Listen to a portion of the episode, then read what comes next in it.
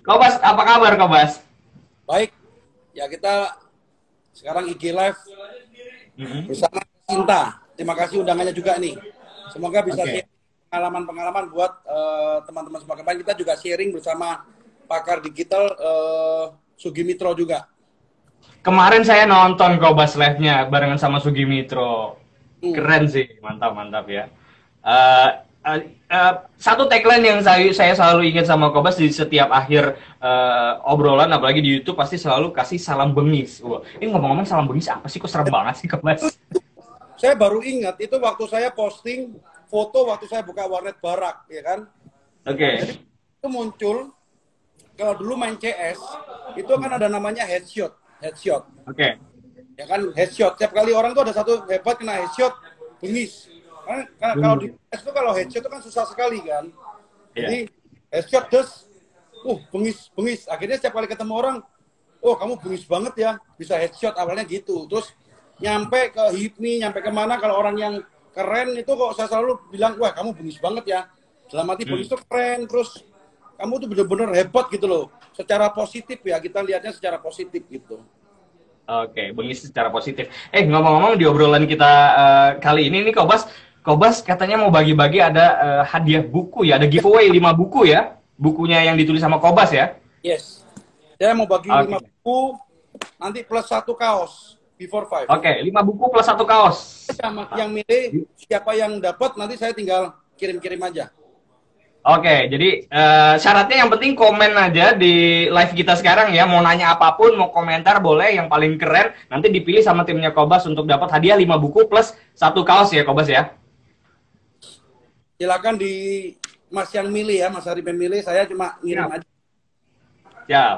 Oke nih, ngomong-ngomong nih, eh, Kobas nih, kalau eh, eh, di media sosial gitu ya, di YouTube juga kan Kobas sering banget itu kolaborasi sama eh, banyak public figure, juga pengusaha, eh, sampai kemudian dapat julukan Raja IT. Ini ngomong-ngomong gimana sih ceritanya Kobas? Tanya tuh lucu. Kemarin itu kan kalau kita biasa kan kalau habis kerja gini biasanya saya sering ngumpulin karyawan saya. Terutama karyawan yang suka minum alkohol. Bro, temen gue minum Oh. dong. Minum, ngobrol-ngobrol. Terus sering nyeletuk-nyeletuk sama teman-teman. Kok sekarang bengis banget ya. Udah dulu zamannya masih jadi reseller, sekarang udah distributor ini. Wah, jangan-jangan ntar lagi lu jadi raja IT. Nah, langsung masuk di otak saya karena saya lagi eh, minum alkohol itu biasa ide-idenya keluar. Wah bro, iya keren juga lu ngomong raja IT. Ya udahlah, yuk kita bikin lah. Jadi setiap kali karyawan gue tuh ngomong kobos raja IT, tapi waktu itu udah lama sekali mas. Jadi terakhir-terakhir di eh, terakhir-terakhir waktu pandemik itu, wah gimana sih kalau nggak gitu kita bikin aja e-commerce raja IT.id kobas. Waktu itu .com-nya udah punya. Udah sekalian lu jadi raja IT ya, ya terserah lah, atur aja lah, gue ikut-ikut aja gitu. Awal ceritanya seperti itu. Oke. Ide yang jadi dari celetukan aja akhirnya jadi ide bisnis ya. Terus saya setiap sore kayak gini nih, biasanya itu saya kumpulin beberapa karyawan, saya sharing. Bro, gimana? Lu ada masukan nggak buat gue? Nah, lu kerja gimana? Tapi karyawan-karyawan yang terdekat aja sih biasanya. Nah, eh, ngomong-ngomong soal bisnis, sekarang kan memang eh, fokusnya ke bisnis IT ya. Kalau Kobas juga kan pernah cerita ya di channel YouTube-nya kalau merintis bisnis dari zaman kuliah itu mulai dari buka warnet waktu itu sampai eh, bisnis ATK juga sempat eh, eh, eh, pijit refleksi ya kalau nggak salah ya. Itu apa sih? Ya awal dari merintis bisnis kemudian eh, sekarang jadi bisnis IT itu apa sih sebenarnya yang yang jadi yang jadi eh, dorongan atau motivasinya itu apa sih, Kobas? Karena saya memang dari dulu kan pernah saya bilang niat saya memang jadi pengusaha. Saya nggak pernah kerja sama orang dari awal. Dari dulu. Saya cuma pernah kerja sama pak orang tua saya itu waktu saya dipaksa untuk bantuin kantor papa saya. Eh lu coba dong ini bantuin lu bisnis warnet itu lagi sepi lu sekalian paralel nganggur-nganggur lu bantuin gue lah. Sambil waktu itu saya kuliah lagi di Indonesia Esa Unggul. Tapi Oke. saya memang niatnya bisnis, jadi kerja pun nggak fokus saya di papa saya notaris itu. Itu bertahan cuma enam bulan, jatuh-jatuhnya saya depresi. Nah, sempat masuk, saya sempat depresi, saya sempat kena insomnia, dan saya sempat dirawat di konsultasi ke psikolog waktu itu. Itu 8 bulan saya sempat udah hampir pusing, akhirnya balik lagi jadi pengusaha itu. Jadi niatnya memang mau cari duit untuk jadi pengusaha. Jadi saya memang suka aja. Dan saya paling suka ngatur orang gitu. Berarti emang jiwa leadershipnya udah terbentuk dari dari masih uh, sekolah atau masih kuliah begitu ya? SMP itu misalnya kan, di zaman SMP itu ada geng yang kuat gitu. Saya daripada gabung geng mereka, saya mendingan bikin geng kecil tapi cuma 5-6 orang tapi anggota saya, saya jadi bosnya. Daripada okay, saya mesti... Solid yang penting ya. ya. Daripada ikut geng mereka yang lebih gede, saya nggak mau. Mendingan bikin sendiri, 4-5 orang ngumpul tapi minimal gue bisa atur orang gitu. Oke. Okay. Kobas, kita sambil sapa juga teman-teman yang sudah ikutan live uh, kita malam ini ya, Kobas ya. Hmm. Oke, yang mau nanya nih, teman-teman yang mau nanya juga boleh langsung di kolom komentar. Kasih pertanyaan atau komentarnya boleh, yang paling keren nanti dipilih untuk dapetin 5 buku plus satu kaos dari uh, Kobas ya. Ada buku uh, yang muda yang kaya dan juga kaos uh, Before Five. Oke. Okay. Ada Michelle, ada Gani Rashid, halo juga. Halo komandan tuh dari Gani Rashid, disapa tuh Kobas. Terus, Terima kasih buat yang udah nonton dan support IG ya. saya. Ada Tama Fajar. Oke. Okay. Ada uh, Eko Suwantono juga, halo Dwika Bintang, halo. Ada orang radio, weh orang radio nih. Ada pertanyaan nih Kobas, banyak orang yang terlahir untuk menjadi entrepreneur ya Kobas ya. Salah satunya yang uh, sekarang lagi saya lihat nih, lagi saya nonton, keren banget, sangat memotivasi katanya. Terus juga uh, ada Ilyasa, halo Ilyasa layak untuk diikuti bisnis seperti ini kata Ilyasa Ruri Dista karena e, memang bisnis IT sekarang ya ya memang sudah masanya gitu. Apa pun sekarang hubungannya ya sama teknologi informasi begitu Kobas ya. Ada Widat Atina Kobas e, apa sih sebenarnya background pendidikannya? Kok bisa jadi e, pebisnis kayak sekarang apakah itu juga jadi faktor kunci untuk bisa jadi sukses Kobas enggak jadi saya dari SMA itu udah salah jadi saya SD itu sering juara SMP itu juara dan waktu SMA itu harusnya saya jiwa saya ini kan jiwa networking, berteman tuh harusnya masuk A3. Tapi karena saya gengsi, ya tahu saya gengsi saya itu pingin dilihat keren dan papa saya ngomong, "Oh, kamu harus A1." Padahal saya sama sekali nggak hitung-hitungan akhirnya saya masuk A1. Dan di sana tuh hampir nggak lulus saya. Dari biasa ranking-ranking lima besar sekarang jadi ranking tiga paling belakang. Ya kan? Nah, terus begitu juga pas lanjut kuliah. Itu awalnya saya karena saya tuh udah A1 maunya harusnya saya masuk itu manajemen. Tapi karena dipaksa masuk akuntansi hitung-hitungan lagi makanya kuliahnya saya nggak selesai-selesai. Jadi kalau menurut saya background kuliah itu harus yang sesuai dengan passion kita. Kalau memang kayak contoh misalnya kita sukanya ngelukis ya coba sekolah desain aja gitu jadi jangan sampai kuliah tuh cuma ingin gaya aja. Kalau saya waktu masuk A1 masuk ke accounting kan kepingin gaya aja keren. Oh, kalau kalau accounting kan keren. Dan waktu itu memang adik saya tuh untuk jadi notaris saya jadi akuntan publiknya. Rencana waktu awalnya gitu tapi jiwa saya kan di manajemen.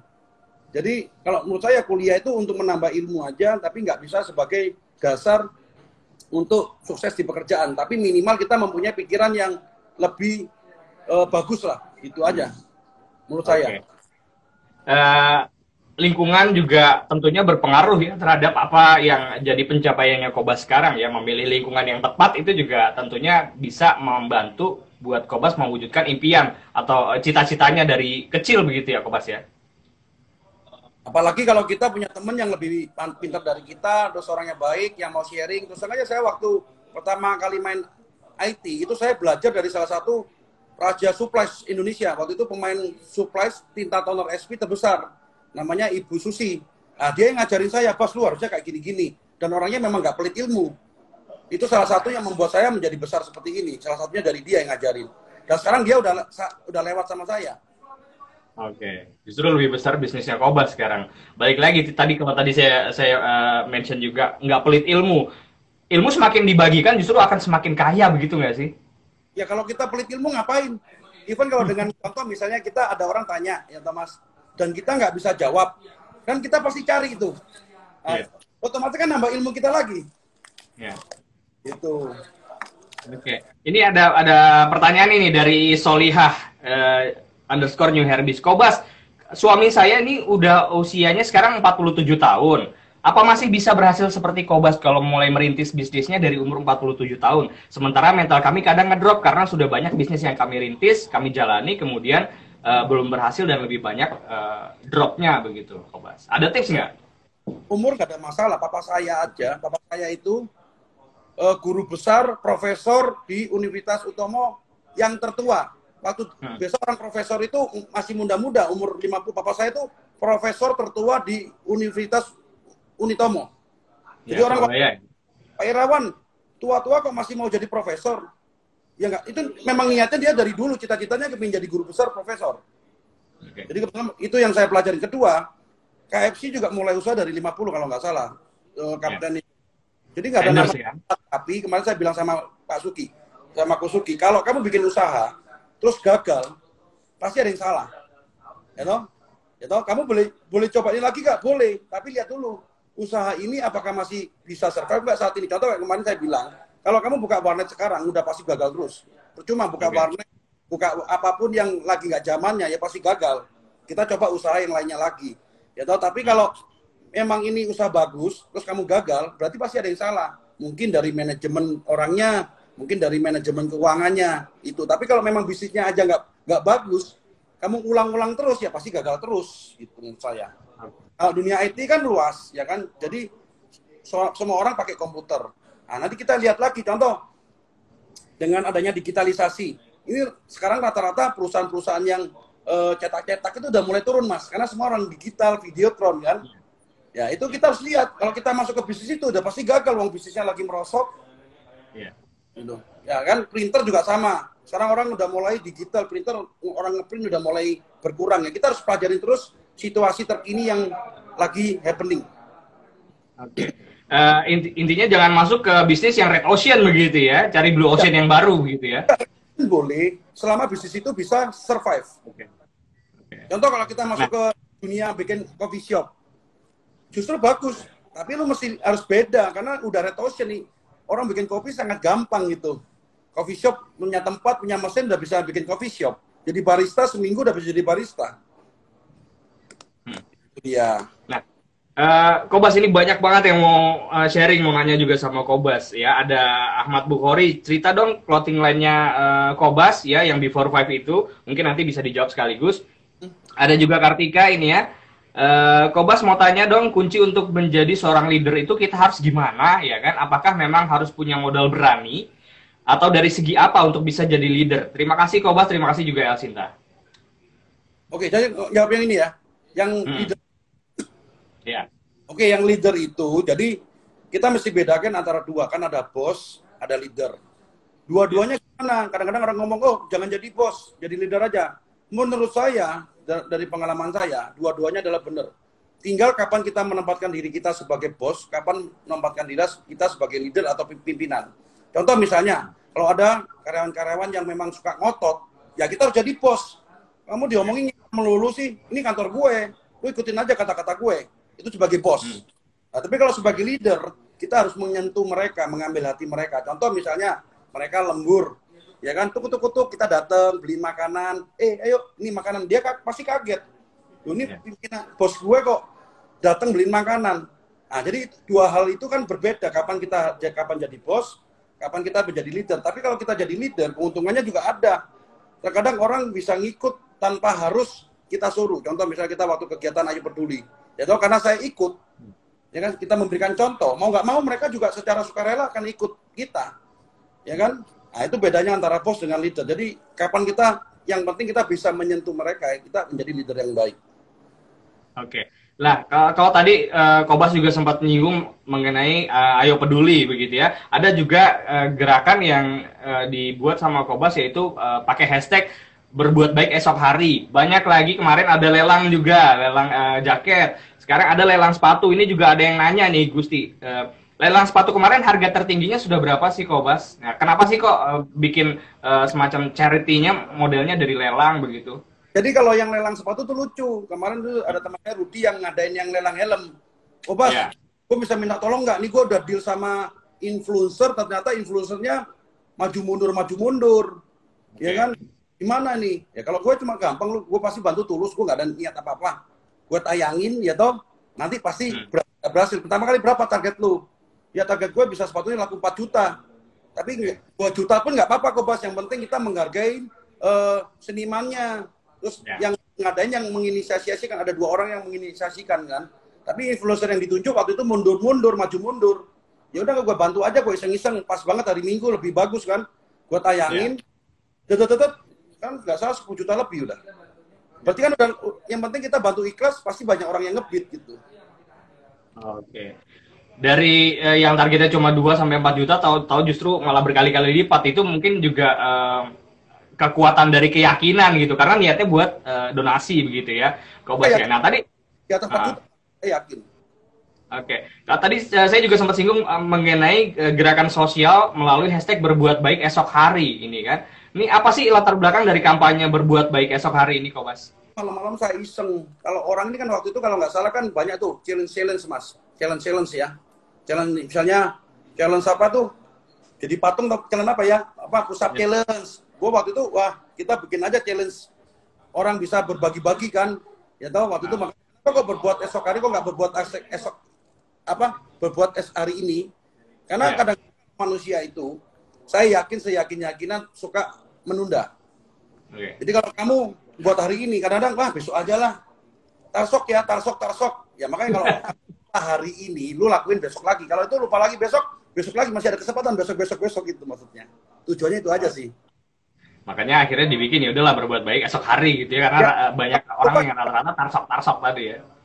Nah, tapi ngomong-ngomong kan Kobas ini sering banget giveaway uh, ada uh, produk elektronik, terus juga giveaway-nya uang dan lain sebagainya. Ini memang nggak takut duitnya habis Kobas? Nah, kalau kita yakin nggak habis, nggak mungkin habis lah. Namanya berbagi nggak habis. Pasti kan kita juga nggak se, se, maksudnya kita bisnis juga pasti punya budget ya. Kalau untuk giveaway juga ada budgetnya, nggak ngawur-ngawuran juga mas. Tapi secara hmm secara apa? Secara hari ini uh, yang dengan adanya giveaway itu minimal yang selalu saya jawab kan giveaway itu adalah apa namanya pemberian cuma-cuma supaya orang lebih tahu kita ya kan? Pasti ada budgetnya nggak mungkin sembarangan giveaway hadiah hmm. uh, mercy kan nggak mungkin ya toh? Sesuai dengan kemampuan kita pasti saya punya dana seperti ini kita buat giveaway supaya uh, teman-teman mengetahui produk kita. Nah, kalau yang rezeki bisa dapat barang itu, itu aja sedikit se, se, seperti itu. Nah, tapi kalau sedekah itu beda dengan giveaway. Kalau sedekah ya kita harus memang memberikan, bukan minta timbal balik. Tapi kalau giveaway pasti kan timbal baliknya supaya mereka tahu kita, gitu aja bedanya. Oke. Okay. Nah, uh, itu juga yang mau saya ingetin lagi nih buat teman-teman yang lagi nonton kita malam hari ini. Uh, Kobas mau bagi 5 buku ya, 5 buku yang muda yang kaya yang ditulis sama Kobas untuk teman-teman yang kasih komentar paling oke, okay, pertanyaannya paling oke okay, dan juga ada satu kaos dari Before Five. Tadi sempat ada pertanyaan dari Bu Kori di Bogor ini Kobas uh, mengenai clothing line Before Five. Bisa cerita nggak sih uh, kenapa Before Five dan apa latar belakang sampai uh, ada Before Five ini? Waktu itu lihat Supreme orang kok nempel aja kok bisa keren ya. Kenapa sih kita Indonesia nggak punya satu yang punya nempel keren? Jadi awalnya tuh Before Five itu dari B45 mas, B kan Kobas, B45. Tapi kalau dibikin Before Five itu kan keren. Before Five IM dan go home, berarti lo kalau dugem, lo jangan boleh boleh pulang sebelum jam 5 pagi. Don uh, Before Five PM, uh, after PM kan bisa pulang setelah jam 5 PM, kamu boleh pulang kerja.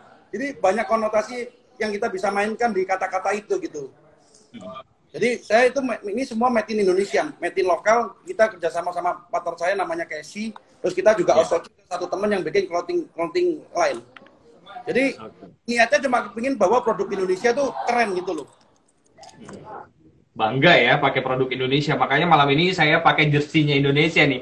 Ngomong-ngomong warnanya sama nih sama Koba sama-sama merah. Padahal kita nggak janjian loh ya. Oke, okay. ada Ahmad Sirajudin di Banjarmasin. Halo, wow jauh banget ini ya di, dari Banjarmasin. Kemudian juga ada uh, Widya Naila, ada Dionisius Yudhistira, ada Indra Hartono, Fauzi Remon. Halo, uh, Kobas, rencana mau, bis, mau bikin bisnis apa lagi nih untuk milenial di masa pandemi COVID ya? Kita tahu kan di pandemi COVID ini banyak bisnis yang akhirnya uh, rontok ya, Kobas ya. Mulai dari bisnis yang levelnya UKM, bahkan sampai yang levelnya korporasi besar rontok gara-gara pandemi. Ada uh, mungkin yang sedang dipersiapkan. Nah kalau saya memang fokusnya kan di IT. Jadi kemarin okay. kita Ayo Kopi itu memang satu-satu kesalahan, makanya kita perbaikin lagi. Kemarin saya rekrut satu sepupu saya memang passionnya di makanan. Nah, jadi itu. Terus satu lagi kemarin kita berkolaborasi dengan satu teman saya yang memang passionnya di fashion. Tapi kalau secara saya pribadi, saya tetap fokusnya adalah di IT. Itu baik hardware ataupun software. Nah, software kemarin kita bikin namanya Ayu Tulis, Ayu Checklist, yang bisa dipakai semua orang secara gratis termasuk UMKM. Itu. Tapi nanti perusahaan yang tinggi ya harus subscribe bayar. Kita ada, ada launching tiga software. Oke. Software apa aja tuh, Kobas? Ayo hadir, O-nya dua semua ya. Ayo hadir, Ayo tulis dan Ayo checklist. Nah, Ayo tulis ini idenya adalah waktu kita nyuruh orang tuh biasanya kan by telepon, by WA kan. Sekarang secara online aja. Nah, kalau di kayaknya hampir semua lini bisnis IT-nya Kobas itu pasti depannya pakai nama ah, pakai ada nama Ayo-nya dan O-nya double. Ini ada makna apa sih Kobas? Seperti saya bilang, awalnya tuh saya bikin uh, e-commerce namanya AM Shop. AM yeah. Shop enak. Akhirnya suatu hari saya lihat Ayo. Oh, oh, oh ini enak Ayo klik kan. Tapi kalau O-nya satu kok biasa aja. Saya mau kayak Google, saya mau kayak Yahoo. Makanya O-nya dua. Jadinya ayoklik.com gitu. Jadi selanjutnya nah, O2 semua. Oke, jadi memang ada ada filosofinya di situ ya. Jadi nah, kalau saya uh, jadi host Mas Arif, itu saya selalu curious, kalau saya bikin podcast itu selalu curious sama orang logo, sama nama. Pasti mereka bikin logo atau nama pasti semua ada filosofinya. Termasuk logo saya Air Mas, itu semua pasti ada filosofi yang kita ingin eh, sebagai owner ingin tampilkan di filosofi nama PT dan logo kita, serta warna. Nah, itu tadi uh, Kau Bas ini juga ada pertanyaan nih dari akun Bening Fauzi. Gimana sih memotivasi diri untuk bisa bangkit setelah kita mengalami kegagalan di bisnis kita, Kau? Karena Kau kan juga mengalami beberapa kali gagal dalam bisnis kemudian bangkit lagi ya. Karena kalau jadi pengusaha ya intinya kita nggak boleh patah semangat. Hmm. Kalau kita sekali aja udah jatuh terus nggak mau bangkit, ya nggak bisa. Tetap harus bangkit cara dengan cara apa pun. Kalau kamu susah ya kamu dengan cara berdoa. Ya kan? Okay. mohon bantuan Tuhan ya kan? Kalau yang beragama muslim mungkin bisa jikir ya toh. Ya kan? Kalau saya biasa saya berdoa aja biasa ke gereja ya kan? Terus dengan cara meditasi ya kan? Meditasi kita menenangkan diri. Jadi intinya kita yakin aja dulu. Tapi kalau kamu udah nggak yakin ya bagaimana bisa bangkit lagi? Karena kalau saya yakin waduh gue ditipu karyawan nih misalnya kenapa gue ditipu oh ternyata gini gini gini Makanya akhirnya saya rubah sistemnya. Oh, dengan ditipu ini harusnya gini. Makanya saya tulis buku ini supaya teman-teman kalau bikin usaha nggak ditipu karyawannya. Gitu. Oke. Nah, ya, ini juga ada pertanyaan dari Ilyasa 1014. Nggak khawatir ada saingan kan? Biasanya kalau pebisnis tuh paling paling apa ya? Uh, paling street gitulah sama uh, sama kompetitor nih Kobas. Kalau Kobas justru menganggap apakah kompetitor itu justru harusnya diajak kolaborasi dibanding diajak saingan, Kobas. jadi ada dua kita bisa ajak kolaborasi. Kalau contoh saya di pengadaan pemerintah itu biasanya saya kolaborasi, bro. Gue punya barang lu bantuin jualin dong, bro. Nah okay. itu yang kalau kedua kita juga bisa belajar dari kompetitor. Contoh kalau dulu saya buka warnet mas atau buka refleksi, saya cek warnet ini tempat refleksi ini buka jam berapa sampai jam berapa. Itu kelebihannya apa? Itu saya selalu belajar. Kalau memang contoh misalnya dia buka jam 9, itu biasa saya buka satu jam sebelum dia buka mas. Itu juga, oh ternyata kompetitor gue tutup jam 10. Gue buka, gue tutup satu jam setelah dia tutup. Oke. Okay. Jadi kita harus pelajarin uh, kompetitor, di bisnis lainnya juga kita harus bekerja sama sama dia. Contoh kayak tadi saya bilang, saya punya barang nih, saya di Sibuto Tunggal, bro bantuin dong, jualin dong di di tempat lu. Ya tinggal gimana kita menempatkan dirinya aja. Kompetitor sebagai kita melihat ini juga bisa sebagai teman.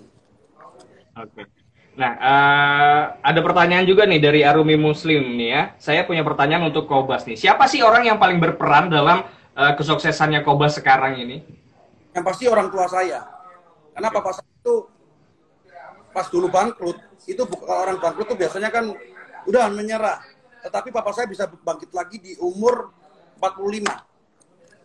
Oke. Okay di umur 45 berarti umur yang yang ya balik lagi udah bukan umur yang muda lagi tapi masih punya semangat luar biasa untuk terus bangkit begitu ya karena punya punya pasti punya uh, impian yang pengen dicapai begitu ya. Jadi kalau di Jember waktu itu bapak saya bangkrut tahun 92, pas tiga tahun saya nggak pernah ketemu bapak saya dan waktu pindah Jakarta dia sama sekali nol dan sekarang juga sukses sebagai notaris, sebagai guru besar, profesor. Luar biasa. Ya, memang uh, orang tua atau papahnya Kobas ini sosok yang juga menjadi inspirasi untuk kesuksesannya Kobas ya.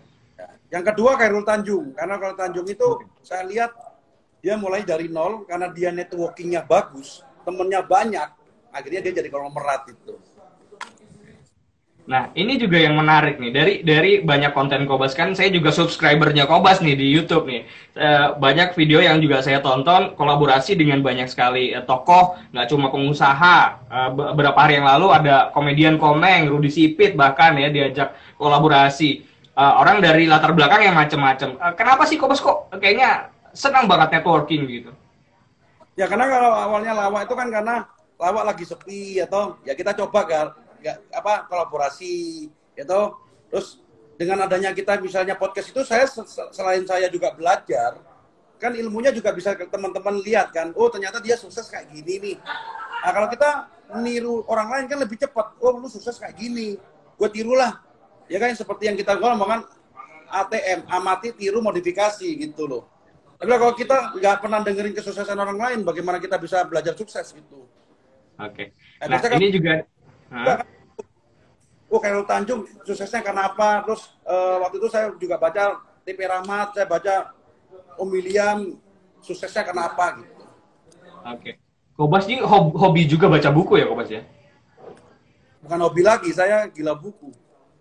Luar biasa. Ini juga mungkin jadi kunci suksesnya uh, Kobas ya, beda dari teman-teman yang lain ya. Memang rata-rata yang sukses tuh pasti nggak uh, akan jauh dari buku ya. Senang baca buku ya kan? Baca literasi dan lain sebagainya gitu ya.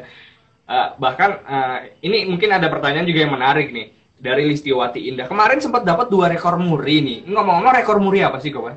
Itu jadi awalnya saya kan hari Sabtu suruh masuk. Memang ya toh saya kira mau meeting uh, sama satu, satu salah satu orang ya kan? Ternyata udah disiapin semua. Jadi yang dapat tuh lelang jaket Hmm. Itu lelang jaket sama uh, apa tuh kan kita ada bagi bantuan tuh terus-terusan. Itu dicatat juga. Jadi dapat dua rekor muri, satunya lelang jaket termahal, satunya okay. didaftarin Ayo Peduli itu apa gitu. Maksudnya jangka waktu terpanjang gitu bagiin bantuan itu. Jaket yang Garuda kemarin berarti itu yang masuk rekor muri ya? Iya. Itu, itu juga nggak pernah nyangka itu mas, nggak pernah nyangka dengan harga segitu banyak gitu. Gak iya, iya. 88,8888 itu angkanya cakep sih. Oke, okay. saya juga mau menyapa lagi nih Kobas. Uh, ada ada beberapa uh, teman-teman kita nih yang menyapa kita di di Instagram. Mantap Kobas dari John Arsya. Kemudian Arumi Muslim mau dong bukunya cari aja googling ya. Ayo apa uh, yang muda yang kaya ya bukunya. Oke. Okay. Uh, kemudian ada Acan, halo juga Shirazi selalu hadir, mudah-mudahan berkah. Ardityas, ikut nyimak Ruri, wah bajunya sama-sama merah kata Fiska. Iya, padahal nggak janjian. Kayaknya emang kita sehat ini. Jangan-jangan saya bentar lagi sukses kayak Kobas nih, wah. Oke. Okay. Share, uh, share tipsnya dong Kobas bisa sukses kayak Kobas seperti sekarang nih gimana caranya uh, pertanyaan dari Mutiara Konia mungkin juga baru bergabung nggak apa-apa nanti di share ulang saya senang banget kalau lihat live Kobas uh, di Instagram karena ceritanya berapi-api semangatnya luar biasa dari Irfan Taziri nih Silakan Kobas. Kalau kita melakukan sesuatu harus yang kita suka gitu. Jadi iya. kalau kita membuat sesuatu yang kita nggak suka, contoh misalnya waktu waktu saya kerja sama bapak saya, itu ngeliatin jam, itu udah kayak di neraka. Jadi satu jam itu kayak udah kayak seminggu, ya kan? Nah, bagaimana kita bisa maju, bisa nggak nggak nggak semangat kalau kita nggak mencintai yang kita lakukan.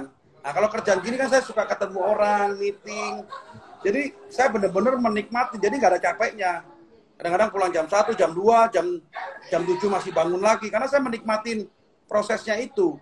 Ya kan pulang istri juga misalnya nggak marah-marah, tapi kalau kadang-kadang istri pulang terus diomelin, itu juga bete juga, itu mengurangin semangat gitu. Yeah. Jadi kita harus bikin sesuatu itu semuanya kondusif supaya kita bisa terus semangat gitu. Oke. Okay. Dan juga yang bikin semangat adalah salah satu lagi ini banyak banget nih kegiatannya Kompas ini luar biasa. Salah satunya juga adalah gerakan anak muda melek teknologi ya kan. Ini atas dasar apa sih kok ngajak anak muda supaya harus melek teknologi? Apa yang mau dicari gitu? Goalnya apa dari gerakan ini Kompas? Enggak, jadi kalau sekarang ini kan dengan adanya pandemik ini mau nggak mau semua harus digital kan. Jadi orang kampung ya.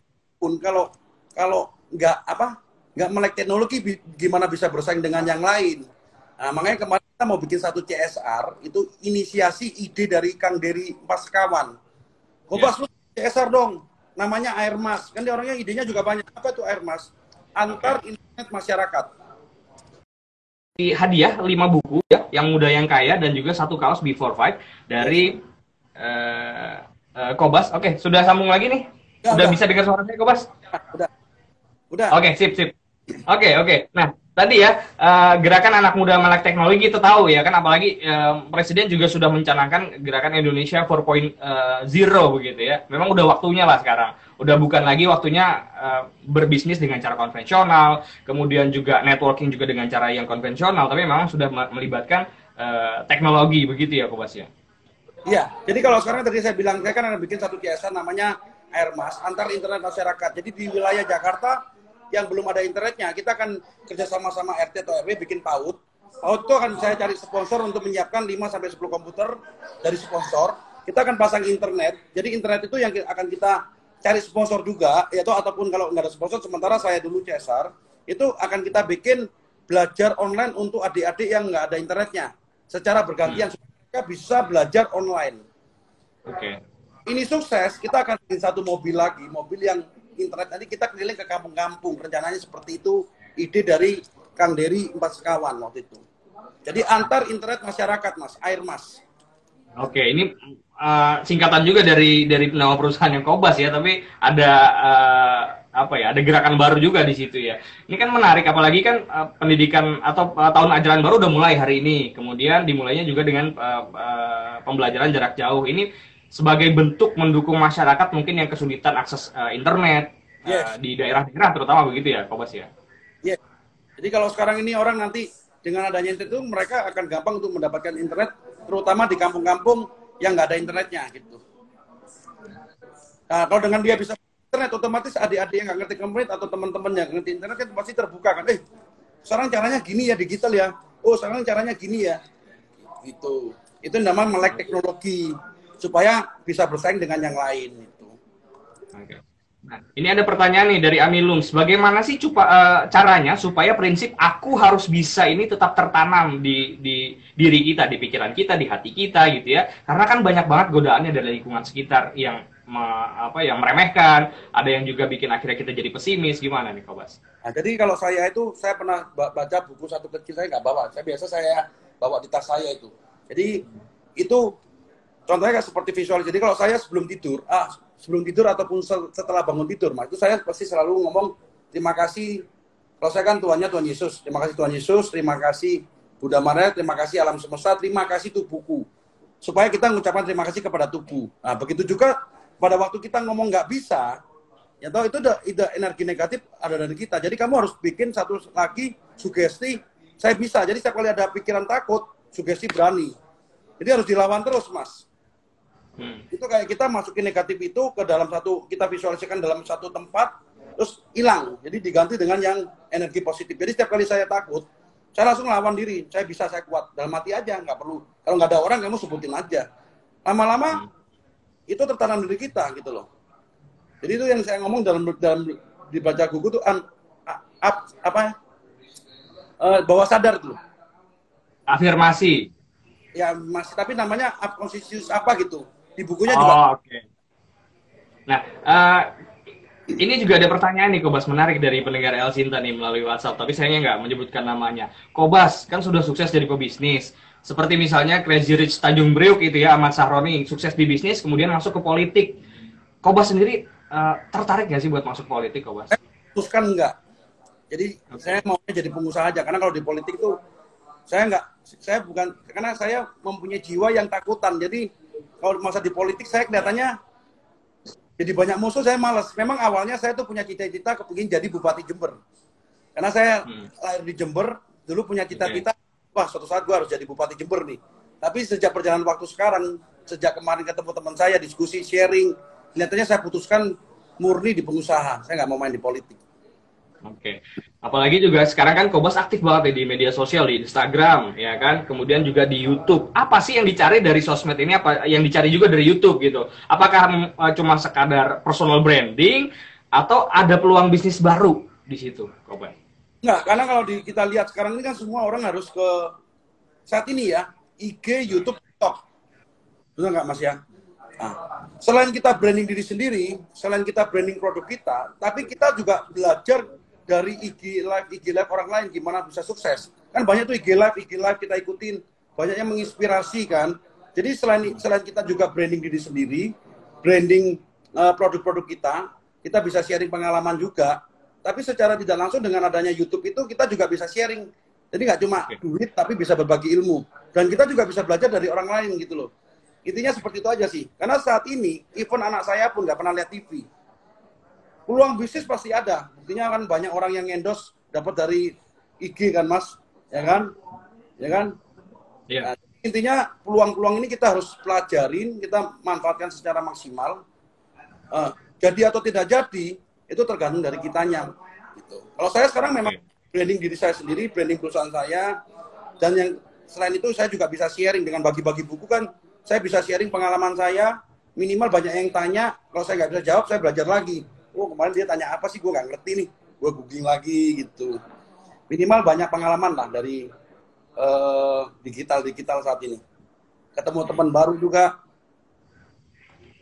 Oke, dari eh, balik lagi ke networking tadi ya, Kobas ya. Dari networking akhirnya banyak peluang bisnis baru yang bisa dikembangkan. Kalau yang juga sekarang lagi tren kan bisnis kopi ya, kedai kopi, coffee shop begitu ya. Eh, Kobas juga masuk ke bisnis itu. Buat Apakah memang karena lihat tren atau memang Kobas sendiri sebenarnya eh, doyan ngopi nggak sih? saya dulu kan doyan ngopi, terus saya lihat orang kok enak banget ya. Itu terjadi eh, sedikit ke- keinginan. Tapi ternyata setelah masuk ke bisnis ini, ya kan, nggak gampang juga mas. Makanya rumput tetangga itu lebih hijau, selalu saya ajarin kan. Jadi kalau, Mhm. karena saya nggak ada passion di kopi, karena suka ngopi aja gitu. Oke. Jadi memang dari awalnya hobi ngopi, kemudian ngelihat kayaknya ini eh, bisa jadi peluang bisnis. Bahkan kalau bisa justru kedai kopinya jadi tempat buat networking juga nantinya ya, Kobas ya. Tapi ternyata berat juga bisnis kopi mas. Harus punya orang passion di kopi dan F&B.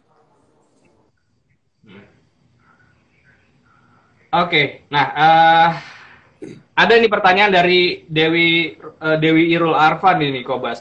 Bagaimana sih mengatasi usaha usaha ketika ada yang nyamain usaha kita nih Kobas ya? Apa yang harus dilakukan supaya usaha kita lebih menarik meskipun usahanya sama Kobas? banyak waktu saya kan saya warnet ketiga ya toh. Nah, setelah saya sukses tuh warnet udah kayak jamur mas. Ya toh. Nah, Ya. biasanya saya kalau zaman dulu saya pakai strategi. Saya lihat musuhnya ini yang main siapa. Nah itu biasa kalau di dulu warnet itu ada satu kepalanya mas. Kalau kita bisa kasih kepalanya itu main gratis di tempat kita itu teman-temannya pasti ngikut. Nah kita harus pelajarin musuh kita strateginya seperti apa supaya kita juga nggak bisa banting-bantingan harga. Ya, Salah satunya ya kita berteman dengan mereka, dengan berteman dengan ownernya mereka lebih nyaman eh, main di warnet kita kan. Terus kita bikin paket juga khusus untuk lu tak bikin paket spesial nih. Nah, begitu juga waktu saya di dunia IT, banyak perusahaan-perusahaan yang bikin ini, bikin ini. Nah, tinggal kita sekarang masuknya lagi kalau di dunia IT adalah sistem. Semakin sistem kita online kuat, mereka juga tidak akan bisa mengalahkan kita. Jadi kita harus one step lebih hebat dari mereka terus gitu. Termasuk saat ini, mungkin dari semua pengusaha yang jadi eh, bikin IG sama YouTube itu cuma saya doang kali. Boleh dicek pengusaha yang yang, yang Nah, nanti kalau mereka niru saya, minimal mereka udah udah bukan eh, pionir lagi, minimal jadi eh, kita yang terdepan terus gitu. Oke. Nah, ini mena- menarik ini Kobas nih. Ada pertanyaan di aku menang 02 ya. Eh, kok ketika Koko diberikan kritik dan saran dari karyawan ya atau dari bawahan ya di, di kantor begitu ya. Apa sih sikap Koko sebagai seorang eh, bos atau seorang leader mendapat saran atau kritik dari eh, karyawannya? Saya terima semua. Oke. Tinggal setelah itu saya olah lagi yang dia masukkan dia benar apa enggak ya. Baru saya kickback la- apa apa balik lagi ke mereka. Tapi semua karyawan saya itu langsung ke direct saya ngasih ngasih masukan by WA by apa saya selalu terima. Boleh di, boleh dicek ke semua karyawan saya. Karena saya merasa dengan masukan karyawan itu pasti ada yang benernya. Nggak mungkin dia kasih masukan kalau nggak bener. Tapi kalau andai kan masukan dia memang nggak berkenan sama saya, saya pasti bilang, Mbak yang ini kurang berkenan Mbak. Saya rasa masukan ini saya udah lakuin yang ini. Saya pasti gitu. Tapi semua masukan saya terima 100%. Oke. Eh, karyawan bagi Kobas tuh apa sih maknanya Kobas? Karyawan tuh merupakan bagian dari usaha saya semua. Jadi kalau orang ngomong sebagai anu kan sebagai aset ya. Tapi lebih dari aset karena karyawan tuh kayak teman saya. Kalau saya pergi itu ada karyawan saya. Saya anggap sebagai teman baik lah. Kalau kita anggap sebagai karyawan kita suruh-suruh seenaknya kan. Tapi kalau kadang-kadang gue minta suruh seenaknya pun dia dengan senang hati ikut juga kan. Kalau kita sebagai teman. Jadi sesuatu yang lebih dari segalanya. Makanya kalau di kalangan saya itu kalau zaman dulu itu sangat di turnover di perusahaan itu sangat kecil mas. Jarang banget keluar masuk karyawan. Tapi semakin sekarang banyak karyawan ya otomatis yang di bawah-bawah itu sangat sulit sekali saya sentuh. Itu kan nggak mungkin nyentuh 500 600 orang itu. Pasti nyentuhnya yang memang akrab sama saya itu. Tapi okay. ya kalau nggak ada karyawan, nggak ada nggak ada saya, nggak ada perusahaan saya hari ini. Karena berkat mereka semua saya bisa maju. Oke. Okay. Ada pertanyaan juga nih dari uh, Putri. Momen apa yang akhirnya membuat Kobas benar-benar yakin kayaknya gue harus jadi pengusaha deh. Gue mau kerja sama orang deh. Momen apa? Mungkin ketika waktu kecil gitu ada ketemu momen yang gue harus jadi bos, gue harus jadi pengusaha, gue gak mau kerja sama orang. Ya mungkin momennya pada waktu papa saya itu ada satu waktu itu beli itu uh, beli kayak ini loh, kayak apa? Uh, bambu mas, ada orang tua ngangkat bambu tuh ya kan? Apa saya berhenti, udah, gue beli semua. Nah, kalau kita uangnya pas-pasan, mana bisa beli bambu gitu semua gitu loh. Kalau kita jadi pengusaha juga kan duitnya banyak, pasti bisa ngapain aja gitu. Kalau kita gajian kan bingung mau ngapain gitu. Dan memang dari kecil memang saya suka apa nyuruh-nyuruh orang gitu. Kalau kita kerja sama orang kan disuruh-suruh, bukan nyuruh-nyuruh. Oke. Okay di setiap bisnis yang Kobas jalanin pasti ada pasang surutnya Kobas ya. Ketika misalnya dulu awal kuliah jalanin bisnis warnet sampai punya jaringan warnet terbesar begitu ya. Uh, di titik mana sih Kobas ngerasa kayaknya udah waktunya bisnis ini gue lepas deh. Kayaknya udah waktunya bisnis ini gue tinggalin deh. Apakah ketika misalnya uh, sudah mulai profitnya menurun atau justru sudah mulai banyak yang main di situ, kayaknya gue harus pindah ke bisnis lain. Apa yang jadi tolak ukurnya Kobas? Ya Tuh, kalau saya waktu saya buka warnet itu saya lihat omsetnya udah merosot. Terus komputer saya jumlah komputer saya udah merosot. Karena dulu biasanya kami, sekarang kok udah mulai sepi. Itu pasti saya merasa, ini wah bisnis ini kok rasanya berat ya. Kan listrik naik. Jadi pada waktu 2006 atau itu saya udah putuskan saya jual. Karena saya yakin feeling juga ada feeling juga ya. Wah ini rasanya berat. Begitu juga refleksi. Saya bertahan tuh 4 tahun doang. Saya lihat, waduh, musuhnya buka, gue satu ruko, saya wah ini musuhnya empat ruko ruko sendiri. Hmm. gimana gue mau bersaing kan? Itu terakhir ya saya lepas. Jadi kita harus lihat sesuatu lihat kita mampu apa enggak. Kalau kita misalnya contoh memang punya kalau refleksi itu kan terlalu gampang mas. Semua orang oh, even office boy pun belajar sebentar bisa jadi refleksi. Nah jadi kalau bisnis yang terlalu gampang itu pasti banyak pesaing termasuk kopi. Ya kan? Semak karena kopi itu gampang banget tinggal beli mesin cari barista udah jadi coffee shop. Gitu loh. Yeah itu yang harus kita pikirkan. Kalau seperti itu biasa saya lihat waduh berat banget deh gue tutup aja lah. Cari bisnis yang memang punya keahlian yang orang lain apa susah untuk meniru gitu. Nah, ada pertanyaan juga dari underscore 1902. Buku apa aja sih yang Kobas baca untuk merajut kesuksesan sekarang ini yang jadi motivasi untuk menjalankan bisnis sekarang ini, Kobas? Banyak itu kan biasa kalau di YouTube saya itu kan saya lihat tuh rekomend buku apa saya bikin tuh review buku rekomendasi Nanti pelan-pelan ya. yang baca saya saya saya saya kasih di YouTube saya. Itu semua banyak buku macam-macam saya mesti kalau sekarang kenapa saya bikin review buku? Karena memang nggak ada yang nonton dikit, yang nonton cuma 200, tapi minimal seenggaknya saya baca ulang lagi gitu loh. Karena kalau yeah. mau bikin konten kan harus harus tahu isinya lagi, Mas. Kalau nggak gitu kan malu gitu. Jadi di setiap itu di YouTube saya itu saya bikin review oh, buku rekomendasi itu.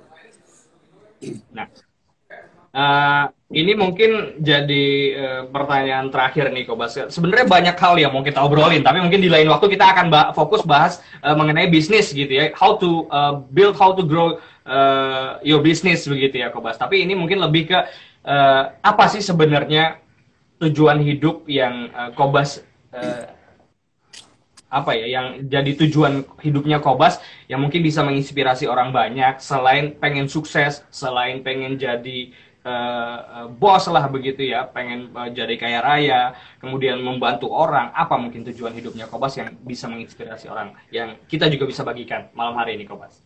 Kan saya pasti ingin membahagiakan orang tua saya kan, itu udah pasti. Kedua, ingin membahagiakan keluarga saya. Yang ketiga, yang pasti teman-teman dan karyawan-karyawan saya, kalau kita dengan banyak duit, ya toh, kita mau berbaginya nggak usah mikir mas. Hari ini, eh sumbang dong. Ya kan nggak usah mikir lagi gitu loh. Jadi itu tujuan hidup saya dengan tiga tiga itu itu sudah cukup menurut saya sih kaya miskin itu nomor dua, tapi kalau dengan bisa berbagi berarti kita udah kaya. Mau kaya kaya uang, kaya itu bebas. Apa, kan apa yang sekarang? Hmm. Kaya kan nggak harus uang mas, bisa juga kaya hati, ya kan? Gitu. Apa yang Kobas sekarang dapatkan, apa yang sekarang sudah Kobas punya, sudah merasa cukup belum sih? Atau ada uh, target berikutnya yang ingin dicapai Kobas? Menurut saya sih sudah cukup. Kalau namanya lebih itu urusan Tuhan yang ngasih. Tapi kalau selama hari ini saya dengan karyawan, dengan orang tua saya masih hidup, terus dengan keluarga saya, dengan karyawan saya, perusahaan saya semua sudah cukup. Saya bersyukur aja sih. Kalau ada lebih, pasti itu kan cita-cita saya. Bisa kecapai, bisa enggak. Tapi minimal saat ini saya sudah bersyukur, saya cukup. Itu ya, yang penting hidup cukup begitu ya. Ketika uh, apa yang diberikan Tuhan kita selalu syukuri sedikit mau banyak kita selalu syukuri pasti hidup juga akan lebih tenang begitu ya Kobas ya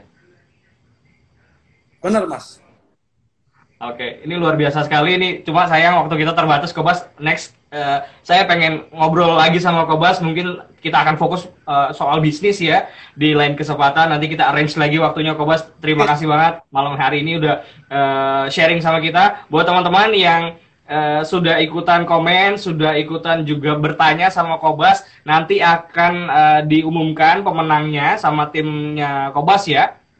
Uh, pemenang giveaway bukunya ada lima buku yang muda yang kaya dan juga ada satu uh, kaos before five ini kaosnya keren. Tanya aja mas, ya. pertanyaan yang lolos jadi tambah lima lagi nggak apa-apa. Oke, okay. berarti ada sepuluh. Yes. 10 buku. Wow, mantap. Oke. Okay. Ada 10 buku malam hari ini. 10 buku untuk teman-teman yang udah ikutan komen di live eh, Instagram eh, kita malam hari ini. 10 buku yang muda yang kaya dari Kobas ya, Basuki Surojo, Raja IT Indonesia dan juga ada satu kaos Before Five. Ya, yeah. saya naksir banget sama kaosnya keren apalagi sebenarnya saya suka pakai baju itu melihat wah ini keren nih kaosnya nih. Mudah-mudahan ntar kecipratan juga. Oke, okay. sekali lagi thank you Kobas atas waktunya bersama dengan El Sinta. Nanti akan dipilih uh, dan juga nanti akan dimention ya sama uh, tim medsosnya Kobas ya siapa yang uh, mendapatkan hadiah 10 buku plus satu kaos betul ya Kobas ya. Terima kasih Mas tadi undangannya undangan dari El Sinta. Semoga sukses Nanti kapan kapan-kapan saya juga mau ngopi nih di di uh, coffee shopnya Kobas nih.